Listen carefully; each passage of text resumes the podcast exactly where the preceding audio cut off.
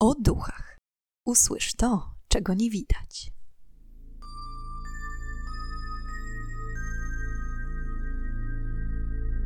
Witam i pytam, czego dusza pragnie. Strasznie miło mi gościć Was na moim kanale. Dziś, tak jak zresztą mówiłam Wam na Instagramie, mogę brzmieć nieco inaczej, ponieważ nieźle się przeziębiłam. Z góry przepraszam i mam nadzieję, że nie będzie bardzo Was to kuło w uszy. W dzisiejszym odcinku ponownie przedstawię temat zaproponowany przez Was. Wilkołaki od setek lat fascynują i przerażają ludzi na całym świecie. Jak to z nimi jest? Istnieją czy są wytworem ludzkich wierzeń i przekonań? Na wstępie chciałam podziękować Wam za wszystkie subskrypcje, łapki i komentarze. Cieszę się, że doceniacie moją twórczość. Ale już nie przedłużając, zapraszam do wysłuchania dzisiejszej historii. Słowo wilkołak pochodzi z języka staroangielskiego werwolf, gdzie wer oznacza człowiek, a wolf wilk. Czym tak właściwie są wilkołaki? Ogólnie rzecz biorąc, wilkołaki to ludzie potrafiący zmieniać kształt w taki sposób, aby upodobnić się do wilka lub istotę wilkopodobną. Zjawisko to nazywane jest również likantropią. Ludzie nie rodzą się wilkołakami, a się nimi stają najczęściej poprzez rzuconą na nich klątwę albo ugryzienie lub zadrapanie przez innego wilkołaka. Wilkołaki są krwiożerczymi bestiami, które nie potrafią zapanować nad swoją rządzą polowania na zwierzęta i ludzi. Przemieniają się nocą, aby polować przez kilka godzin i wraz ze wschodem słońca powrócić do ludzkiej postaci. Sama postać wilkołaka wywodzi się jeszcze z mitologii greckiej i mówi o mężczyźnie imieniem Likaon. Likaon był zwykłym śmiertelnikiem, który chciał przekonać się, czy Zeus naprawdę jest Bogiem. W związku z tym zabił jednego z zakładników, a jego wnętrzności podał Zeusowi jako posiłek. Król bogów greckich tak rozgniewał się na Likaona, że zamienił go w wilka, pragnącego od tej pory ludzkiego mięsa. W krajach europejskich postać wilkołaka była bardzo rozpowszechniona, zwłaszcza w czasach średniowiecza i renesansu. Wilkołaki są często utożsamiane z wyciem do księżyca w pełni. Wtedy też mają zamieniać się z ludzi w potwory. Skąd wzięło się to przeświadczenie? Uważa się, że podczas pełni księżyca poziom agresji i przestępczości znacznie wzrasta. Agresja zauważalna jest zarówno u ludzi, jak i zwierząt. W latach 2008-2009 w australijskim szpitalu Calvary Mater w Newcastle przeprowadzono badania mające udowodnić wpływ księżyca na zachowanie pacjentów. Między sierpniem 2008 roku a lipcem 2009 odnotowano 91 agresywnych ataków pacjentów na personel szpitala. 23% z tego stanowiły ataki właśnie podczas pełni księżyca.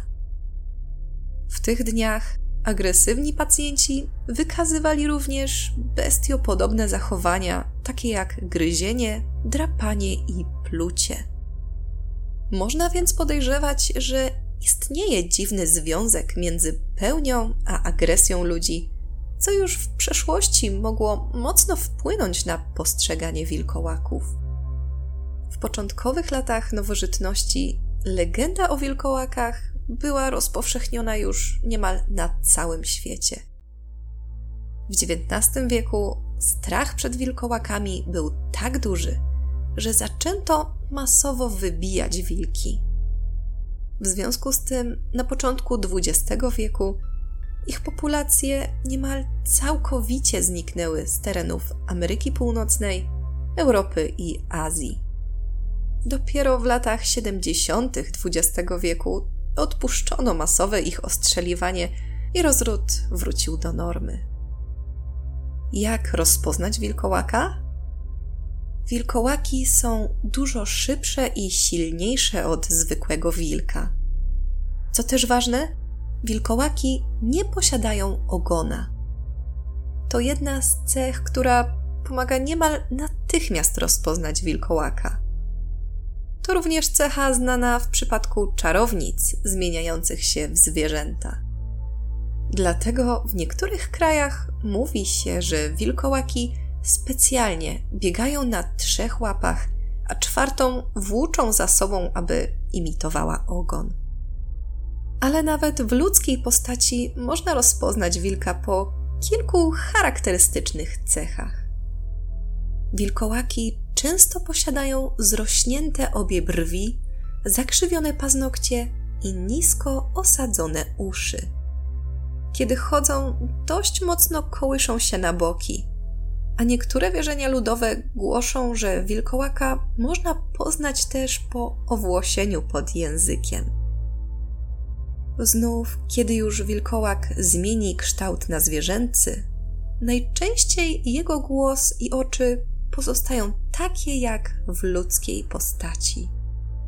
Gdy wilkołak po całonocnym polowaniu powraca do swojej ludzkiej postaci, najczęściej nie pamięta, co robił podczas przemiany.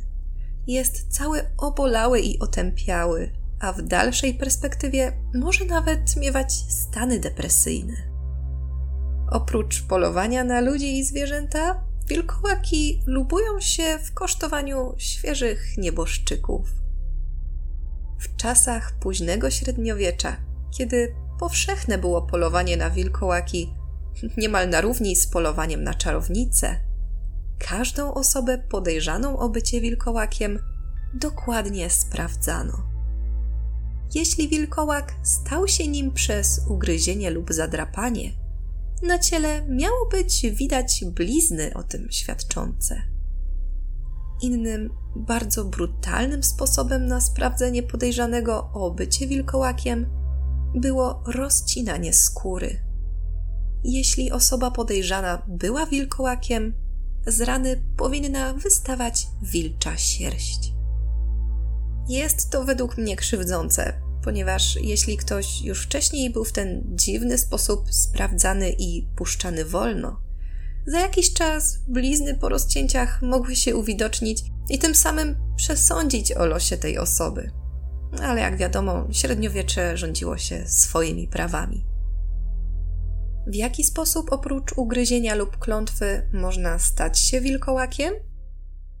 Jedną z najprostszych metod jest zdjęcie ubrań i założenie pasa wykonanego z wilczej skóry. Można również założyć płaszcz z tego samego tworzywa. Odzież ta jednak musi być uprzednio odpowiednio zaczarowana przez wiedźmę lub samego diabła. W innych przypadkach używa się magicznej maści, którą wsmarowuje się w całe ciało. Picie wody deszczowej z odcisku pozostawionego w ziemi przez wilka też umożliwia stanie się wilkołakiem. Istniało niegdyś również specjalnie ważone piwo, którego kufel trzeba było wypić jednym tchem, recytując przy tym tekst zaklęcia. Znów, jeśli w środę lub piątek śpi się pod gołym niebem w taki sposób, że światło księżyca w pełni oświetla twarz, to również można przemienić się w wilkołaka. Jak w wielu podobnych historiach, również oddanie duszy diabłu pozwala na przemianę w wilkołaka. Na Węgrzech mówiono, że wilkołakiem mogły stać się dzieci, nad którymi w okresie niemowlęcym znęcali się rodzice lub na które rzucono klątwę. Według tej teorii dzieci po ukończeniu siódmego roku życia co noc wybierały się na krwawe polowanie do lasu. Znów o bycie kanadyjskimi wilkołakami najczęściej oskarżano starsze kobiety, które miały mieć pazury pokryte trucizną i potrafić wzrokiem sparaliżować bydło oraz młodociany. Haitańskie wilkołaki dla odmiany wyrywały nocami ze snu matki małych dzieci, pytając je, czy mogą zabrać pociechy ze sobą. Półprzytomne kobiety, często zdezorientowane, mówiły, że tak, przez co traciły dzieci na zawsze. Ormianie z kolei wierzyli, że na bycie wilkołakiem skazywane są kobiety, które popełniły któryś z siedmiu grzechów głównych. W związku z tym przez siedem kolejnych lat taką osobę nawiedza duch zmuszający do zakładania wilczej skóry. Z biegiem dni, tygodni i miesięcy skazana coraz bardziej pragnie ludzkiego mięsa, przez co powoli zamienia się w wilkołaka. Pożera najpierw swoje dzieci, następnie dzieci bliskich i przyjaciół, aby w końcu zabrać się za te zupełnie obce. Również działa wyłącznie nocą. Za dnia powraca do ludzkiej postaci. W niektórych rejonach, w tym w Polsce, Niemczech i północnej Francji, wierzono, że osoby, które umierały mając na sumieniu grzech śmiertelny, po śmierci odradzały się jako krwiożercze bestie pod postacią wilka grasującego nocą. Za dnia znów wracały jako zwłoki i trwały tak do kolejnego zachodu słońca. Tak było i w 1685 roku, kiedy miasteczko Neuses w Niemczech nie mogło spać spokojnie przez ataki wygłodniałego wilkołaka. Co ciekawe, kilkanaście dni wcześniej w mieście zmarł znany, ale nielubiany, okrutny sędzia Michel Leicht. Od razu więc przesądny lud zaczął plotkować, że oto sędzia powrócił jako krwiożercza bestia i z zagrobu dręczy mieszkańców. Zaczęto organizować polowania, które po kilku dniach przyniosły rezultat. Wilk został złapany i pozbawiony życia, ale oszczędzę wam opisu, jak potraktowali to biedne zwierzę, ale było to niemałe wydarzenie.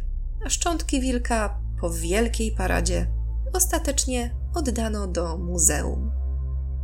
W tym przypadku chyba nie zastosowano ważnego w tamtych czasach rytuału, ponieważ, aby zapobiec odrodzeniu się takiego wilka, proboszcz parafii musiał najpierw przeprowadzić egzorcyzm na nieboszczyku, a następnie ściąć jego głowę łopatą. Głowa była później wrzucana do strumienia, gdyż, jak uważano, głowa obciążona grzechami nieżyjącego nie była w stanie wypłynąć na powierzchnię. W ogóle, jeśli chodzi o sposoby na radzenie sobie z wilkołakami, to również mogłyby one zadziwić niejedną osobę żyjącą w dzisiejszych czasach. Grecy i Rzymianie na przykład, wiedząc, że wilkołak po nocnych atakach zawsze czuje się zmęczony i otępiały, uważali, że najlepszym sposobem na wyleczenie kogoś z likantropii będzie poddanie go wycieńczającym aktywnościom fizycznym, które niestety niejednokrotnie kończyły się śmiercią. Serbowie zaś co roku w okresie zimowym masowo palili wilcze skóry wraz ze skórą osoby podejrzanej o bycie wilkołakiem. W ten sposób chcieli uwolnić się od klątwy. Znów w innych krajach średniowiecznej Europy proces uzdrowienia można było podzielić na trzy sposoby: lecznicze, chirurgiczne lub egzorcyzmem. Lecznicze najczęściej polegały na podawaniu pacjentowi tojadu. Jest to niezwykle trująca roślina, która z pewnością nie pomagała choremu. Na Sycylii uważano, że aby wilkołak przestał być wilkołakiem, należało uderzyć go nożem albo w czoło, albo w skórę głowy. Ewentualnie mogło pomóc przekłucie wilkołakowi rąk gwoździami, ale to okropnie brzmi. Na szczęście istniały również mniej drastyczne metody leczenia. W Niemczech z czasem zaczęto uzdrawiać wilkołaki, wypowiadając trzy razy pod rząd ich chrześcijańskie imiona. W Danii znów wierzono, że samo zbesztanie bestii może ją poskromić. Końcówce średniowiecza zaczęto osoby posądzane o bycie wilkołakami nawracać na chrześcijaństwo. To również pomagało w uzdrowieniu. Podobno tarzanie się w rosie również może pomóc, choć nie wiem w jaki sposób. Co też ważne, wilkołakiem może stać się nie tylko sam człowiek. Dzięki skomplikowanym obrzędom lub magicznym miksturom, pod postacią wilkołaka może czaić się na przykład sobowtór danej osoby, który jest bezduszną bestią i jednocześnie nie wpływa w żaden sposób na tę konkretną osobę. Może to być również dusza danej osoby, która pozostawiając ciało w transie, wyrusza na polowanie, a może to być też tak zwany posłaniec, zwierzę lub duch, z którym zaprzyjaźni się dana osoba. Posłaniec na prośbę tej osoby wyrządza krzywdę innym. I choć do dziś nie do końca wiadomo, czy wilkołaki istnieją naprawdę, to na kartach historii zapisało się kilku morderców, mianujących się właśnie takim przydomkiem. W 1521 roku Francuzi Pierre Bourgot i Michel Verda przekonywali, że zawarli z diabłem pakt, na mocy którego za sprzedaną duszę mogli zamieniać się w wilkołaki. Diabeł dał im potrzebną do przemiany specjalną maść, którą mieli nacierać całe ciało. Tak w każdym razie tłumaczyli swoje zbrodnie, jakimi było pozbawienie życia kilkorga dzieci. W wyniku tych dramatycznych wydarzeń obaj zostali spaleni na stosie, ponieważ według ludności to był jedyny sposób, aby pozbyć się wilkołaków. Istniało przeświadczenie, że jeśli po śmierci ciało wilkołaka nie zostanie zniszczone, ten odrodzi się w zależności od regionu albo jako wampir, albo ogromna hiena, grasująca po polach bitwy i wysysająca krew z rannych żołnierzy. Kilkadziesiąt lat później kolejny Francuz, posądzony o bycie wilkołakiem, pożegnał się ze światem. Gilles Garnier, znany również jako wilkołak z Dole, tak samo jak poprzednicy, głosił, że posiada specjalną maść, która pozwala mu przemieniać się w wilka. Garnier był seryjnym mordercą, kanibalem i pustelnikiem, polującym i pożerającym dzieci. Zginął na stosie. Znów w 1582 roku zrobiło się głośno o pewnym zamożnym farmerze z Bedburga w Niemczech o imieniu Peter Stube.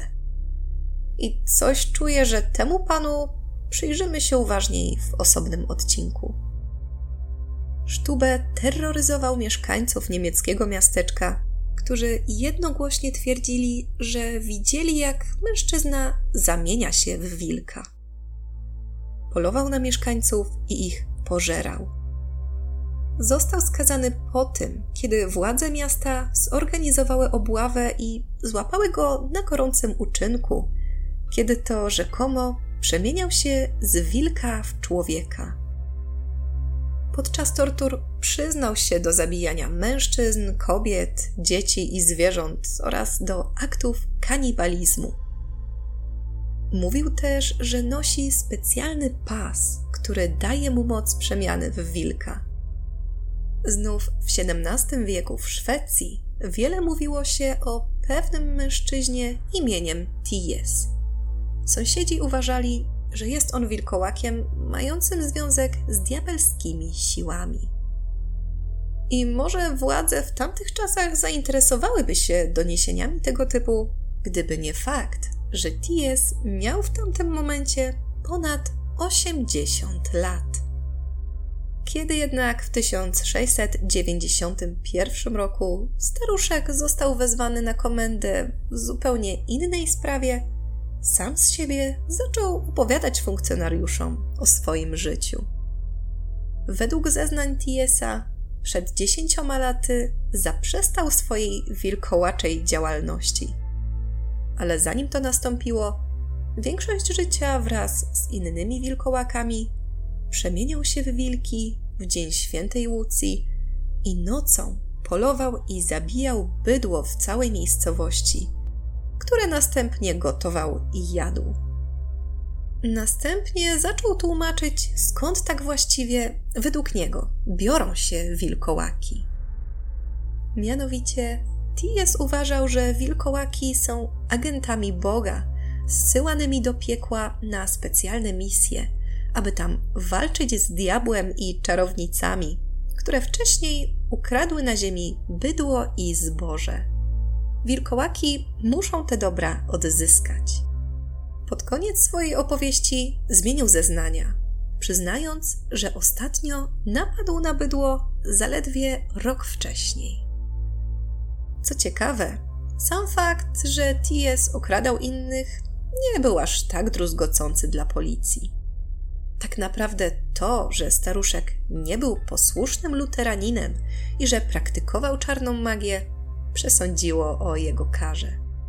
Został wychłostany a następnie wygnany z miasta. Po tym wydarzeniu słuch po nim zaginął. Znów w Hiszpanii grasował wilkołak imieniem Manuel Blanco Romasanta. Urodził się w 1809 roku i od początku jego życie było dość zawiłe. Pierwsze lata życia Manuel był wychowywany jako kobieta Dopiero gdy miał około 6 lat, lekarze odkryli, że Manuel tak naprawdę jest mężczyzną. Coś czuję, że ten pan również mógłby być głównym antybohaterem osobnego odcinka. Dajcie znać, czy chcielibyście, abym opowiedziała więcej o wymienionych dzisiaj samozwańczych wilkołakach. Pan Roma Santa nauczył się zawodu krawca. Ożenił się, ale w 1833 roku jego małżonka zmarła. Po jej odejściu Manuel Romasanta zaczął pałać się handlem obwoźnym oraz oprowadzaniem turystów po Hiszpanii i Portugalii. I był to początek jego krwawej kariery. W zależności od źródeł, znalazłam informację, że pozbawił życia albo 13, albo 17 osób, a przyznał się jedynie do dziewięciu. Winę za te czyny zrzucił na klątwę, jakiej miał paść ofiarą lata wcześniej. Twierdził, że cierpi na likantropię i zabija po przemianie w wilka. Sąd jednak nie dał wiary jego słowom, zwłaszcza, że Manuel poproszony nie był w stanie zademonstrować swoich zdolności i tym samym skazano mężczyznę na śmierć, którą finalnie jednak zamieniono na dożywocie. Ale więcej o nim i innych prawdziwych wilkołakach opowiem w osobnym odcinku, jeśli tylko będziecie mieli na to ochotę. Jeszcze jednym ciekawym i nie tak brutalnym przypadkiem wilkołaka jest przykład Petera Wild Boya, teoretycznie niebrutalnym, ponieważ finalnie chyba nie do końca dobrze go potraktowano, ale o tym za chwilę. W 1725 roku w lesie na terenie Niemiec natrafiono na dziwnie wyglądającego i zachowującego się mężczyznę. Był całkowicie nagi i chodził na czworakach. Władze postanowiły zabrać go ze sobą i bliżej mu się przyjrzeć. Już od pierwszych chwil obecności Petera w mieście ludzie nazywali go wilkołakiem lub osobą wychowywaną przez wilki. Peter nie potrafił mówić i jadł jedynie rękami. Tajemniczą postacią zainteresowali się król Jerzy I i II, którzy postanowili zaadoptować go i trzymać jako swojego zwierzaka w Anglii. Dlatego właśnie zaznaczyłam, że mniejsza brutalność, także w tym przypadku, to chyba tak nie do końca. Po latach uważa się, że Peter Wildboy prawdopodobnie cierpiał na chorobę Pita Hopkinsa, odkrytą niestety dopiero ponad 200 lat po jego istnieniu w 1978 roku. Choroba ta powoduje drgawki, nieumiejętność mowy, trudności w oddychaniu i w pewnym stopniu upośledzenie umysłowe. Osoby cierpiące na tę chorobę mają również charakterystyczne rysy twarzy. Aktualnie motyw wilkołaka z ludowych wierzeń przeniósł się raczej do świata filmu i książek, w których najczęściej ukazuje się tego stwora jako odpornego na obrażenia i jednocześnie słabego w starciu ze srebrną bronią. Z bardziej naukowych twierdzeń powstawania wilkołaków mówi się wiele o chorobach psychicznych lub porfirii. Jest to choroba, która charakteryzuje się przede wszystkim wrażliwością na światło i nadmiernym owłosieniem. Innym wytłumaczeniem na bycie wilkołakiem może być wścieklizna. Zwłaszcza, że w średniowieczu uważano, że po ugryzieniu przez innego wilkołaka samemu można się nim stać. Poza tym wszelkiego rodzaju halucynacje, czy nawet ostre zatrucie pokarmowe. Ale kto wie? Może wilkołaki żyją wśród nas, ale na szczęście nie wyłaniają się już z ciemnych lasów? I są to wszystkie informacje, jakie dzisiaj dla Was przygotowałam. Jestem ciekawa, jak Wy podchodzicie do tematu wilkołaków i czy znacie może jeszcze jakieś ciekawostki, o których dzisiaj nie wspomniałam? Chciałam serdecznie pozdrowić użytkownika The Myers House, który zaproponował temat tego odcinka. Jeśli Wy również macie swoje propozycje, chętnie o nich przeczytam w komentarzach. Dziękuję Wam za dziś i już teraz zapraszam Was na kolejny odcinek podcastu o duchach, w którym ponownie zadamy pytanie, czego tym razem dusza zapragnie. Do usłyszenia